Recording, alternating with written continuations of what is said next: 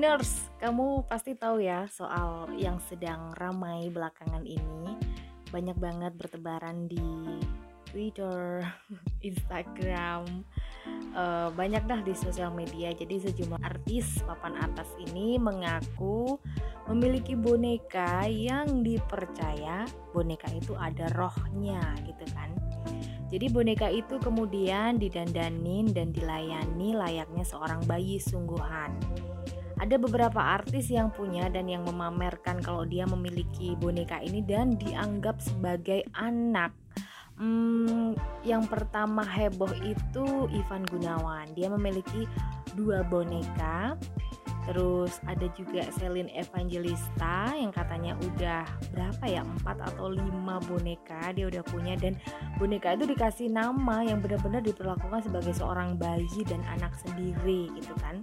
Para artis ini meyakini jika boneka arwah ini bisa mendatangkan hoki. Oke, boneka arwah ini um, banyak yang menyebutnya sebagai spirit doll gitu ya.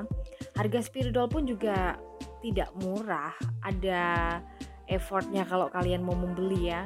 Jadi harganya mencapai jutaan dan biasanya seorang kolektor tidak hanya memiliki satu boneka arwah banyak kok orang-orang di Indonesia yang memiliki lebih dari satu boneka yang ya ini disebut sebagai spirit doll ini. Selain Roy Kiyoshi yang kita udah tahu bonekanya macam-macam dan serem ya. Tapi kita juga perlu tahu gimana sih uh, sejarahnya maupun fakta-fakta dari boneka arwah yang sedang tren di kalangan artis di awal tahun 2022 ini. Jadi untuk yang pertama kita harus tahu sejarah dari spirit doll itu seperti apa. So, spirit doll ini sudah ada sejak zaman dulu ternyata dan banyak bentuknya nggak seperti sekarang ini kan. Ada banyak yang berupa mirip patung mirip boneka itu sendiri dan juga voodoo. Kita serem ya kalau ngomongin soal voodoo. Di Roma boneka dulunya kerap dipakai untuk ritual magis guna terhubung dengan dewa atau dewi Begitu pula yang ada di Mesir era dulu ya, boneka dipakai untuk pelepasan spiritual atau upacara keagamaan. Dan you know, kalau zaman dulu ya tentunya bentuknya nggak kayak sekarang gitu kan. Dulu bentuknya mungkin lebih simple dan juga dibuat dari eh, bahan-bahan yang masih sangat tradisional ya.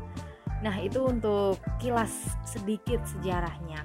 Terus sekarang ini ternyata eh, boneka-boneka semacam itu sudah dijual di e-commerce, guys. Dari film yang melibatkan boneka seperti Annabelle, jadi semakin banyak minat terkait boneka arwah. Aku ngeliat Annabelle aja udah merinding, apalagi punya boneka seperti itu. Please. Spirit doll akhirnya mulai dijual pengguna secara anonim di situ seperti Etsy, eBay, dan juga Amazon. Dan biasanya akan dijelaskan sejarah dari boneka itu di deskripsi bonekanya itu dulu pernah dipakai, uh, dulu pernah dimiliki oleh ini, dulu pernah dipakai buat ini gitu kali ya ya. Nggak tambah serem gak sih kalau seperti itu? Kalau di Indonesia mungkin dari dulu nggak terlalu rame ya soal spiritual atau boneka yang punya arwah. Dulu malah kita kenal namanya Susan, kan itu lucu banget ya Susan sama Kak Arya Enes. Nah itu malah buat hiburan buat anak-anak kecil gitu. Itu malah lucu nggak serem. Yang ketiga, fakta yang ketiga yakni dipakai untuk self healing. Um, di tahun 2006, Barb Kobe yang merupakan seorang seniman membuat sebuah kelas yang mengajak orang-orang untuk membuat boneka. Menurutnya ini e, bisa membantu seseorang untuk sembuh secara fisik dan juga mental. Kelasnya ini membuat pesertanya e, membuat empat boneka obat yang berbeda. Jadi kalau menurutku ini cuma sugesti aja sih ya. E, sebuah boneka bisa dipakai buat shift healing.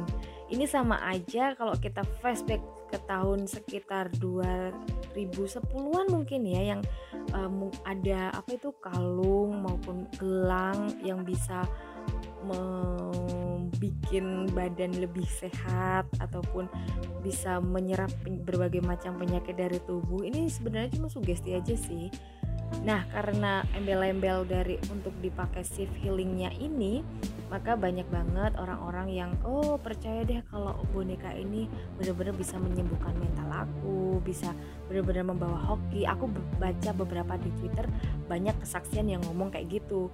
Katanya kalau setelah dia membeli sebuah boneka spirit doll itu, dia kayak ada yang menyertai terus artinya lebih tenang terus katanya juga lebih hoki dalam segi finansial dan juga nasib gitu seperti itu aku bacanya. Tapi juga nggak tahu ini juga mungkin secara sugesti aja sih kisah seseorang kan beda-beda juga. Yang terakhir faktanya ternyata uh, spirit doll ini pernah viral di Thailand. Jadi sebelum di Indonesia spirit doll pernah viral di Thailand dengan keyakinan membawa keberuntungan itu tadi di Thailand pun orang-orang memanjakan dan memperlakukan boneka arwah dengan sangat baik layaknya seorang anak ya. Biasanya boneka arwah akan dibawa ke seorang biksu untuk didoakan dan melakukan sebuah ritual upacara. Ritual ini dipercaya sebagai usaha menghidupkan boneka atau mengisi boneka tersebut dengan roh. Ada juga yang kepikiran misi boneka dengan roh ya.